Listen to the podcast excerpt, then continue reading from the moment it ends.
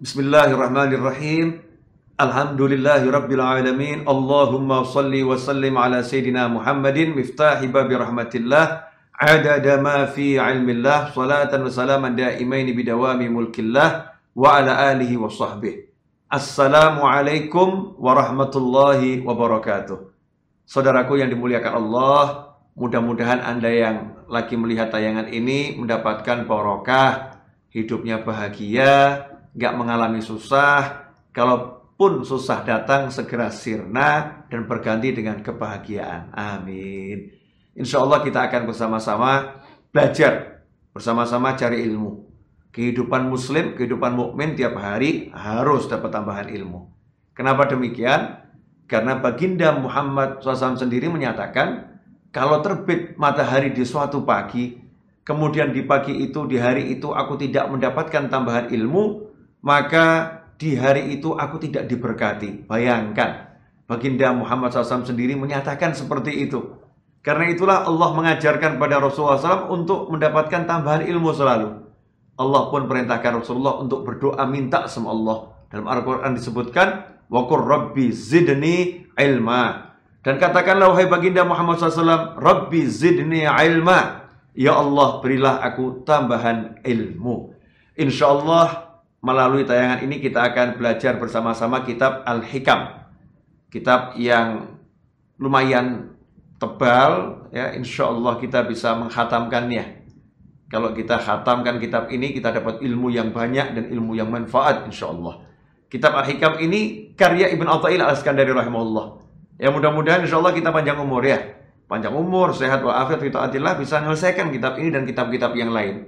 Al-Hikam karya Ibn Atta'illah seorang ulama yang lahir tumbuh besar di kota Iskandariah, Mesir. Di kota itu, dewasa itu banyak ulama besar.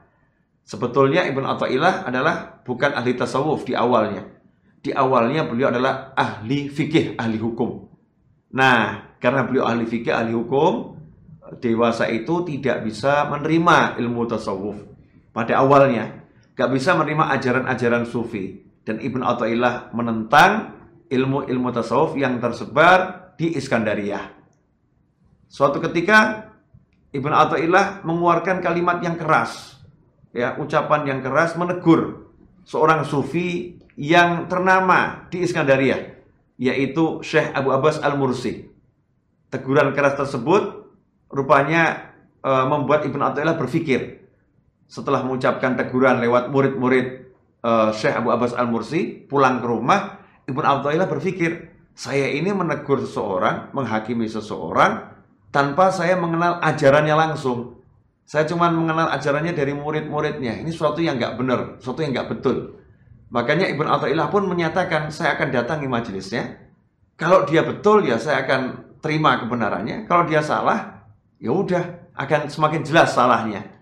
Maka Ibn Atta'illah besoknya datang ke majelis Syekh Abu Abbas Al-Mursi rahimahullah seorang sufi di masa itu di kota Iskandaria yang ajarannya semula ditentang oleh Ibn Atta'illah. Nah ketika hadir di majelis Syekh Abu Abbas Al-Mursi, Ibn Atta'illah terkejut karena majelisnya sangat terasa kental rohaninya. Kemudian ilmu yang disampaikan, yang diucapkan sangat berbeda dari apa yang beliau dengar dari orang-orang. Maka jatuh cintalah Ibn Atta'illah kepada Syekh Abu Abbas Al-Mursi.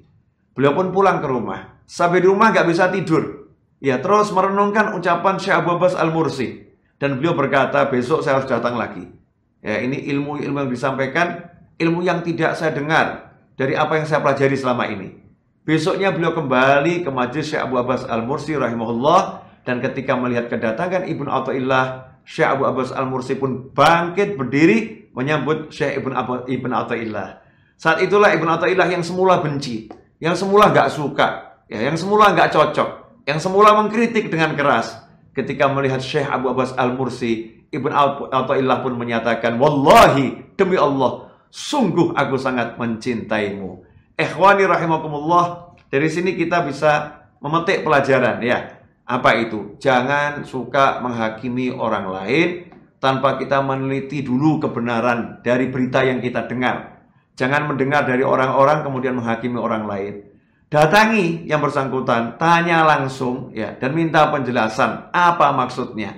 Tabayun sehingga tidak terjadi salah paham dan kita tidak rugi. Ya, kita tidak rugi. Ibn Atta'illah karena beliau tidak ada kesombongan dalam hatinya, ya karena ada insaf ya, hatinya itu juga mau belajar dari orang lain, beliau pun mendatangi dengan gentle orang yang beliau benci, orang yang beliau musuhi ajarannya. Nah, saat mendengar langsung ternyata ajarannya benar, ya ajarannya betul nggak salah, beliau pun menjadi muridnya, bahkan melamar menjadi muridnya. Ibnu Athaillah pun akhirnya menjadi murid kesayangan Abu Abbas Al-Mursi. Nah, dalam pelajaran belajar kepada Syekh Abu Abbas Al-Mursi rahimahullah, Ibn Atta'illah menulis ya di awal-awal belajarnya beliau menulis kalimat-kalimat hikmah hasil perenungan selama belajar.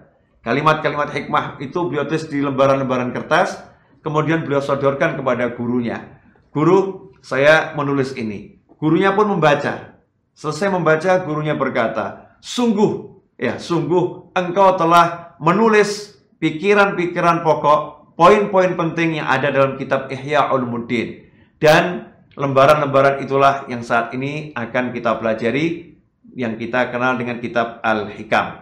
Artinya, kitab Al-Hikam adalah kitab pertama yang ditulis Ibn Atta'illah dan sudah beliau sodorkan kepada gurunya, diteliti oleh gurunya, dan gurunya pun memuji kitab ini adalah pikiran-pikiran pokok Ihya Ulumuddin, poin-poin penting kitab Ihya Ulumuddin yang dikarang oleh Hujatul Islam Imam Ghazali rahimahullah. Ikhwani rahimakumullah, alhamdulillah saat berangkat umrah dan mampir ke Mesir, saya menyempatkan diri dan menjadi salah satu tujuan utama saya ke Mesir saat itu untuk menziarahi Syekh Ibn Atta'illah dan juga menziarahi guru beliau Syekh Abu Abbas Al-Mursi dan juga menziarahi Imam Syafi'i. Kalau ada kesempatan, berangkat ke Mesir.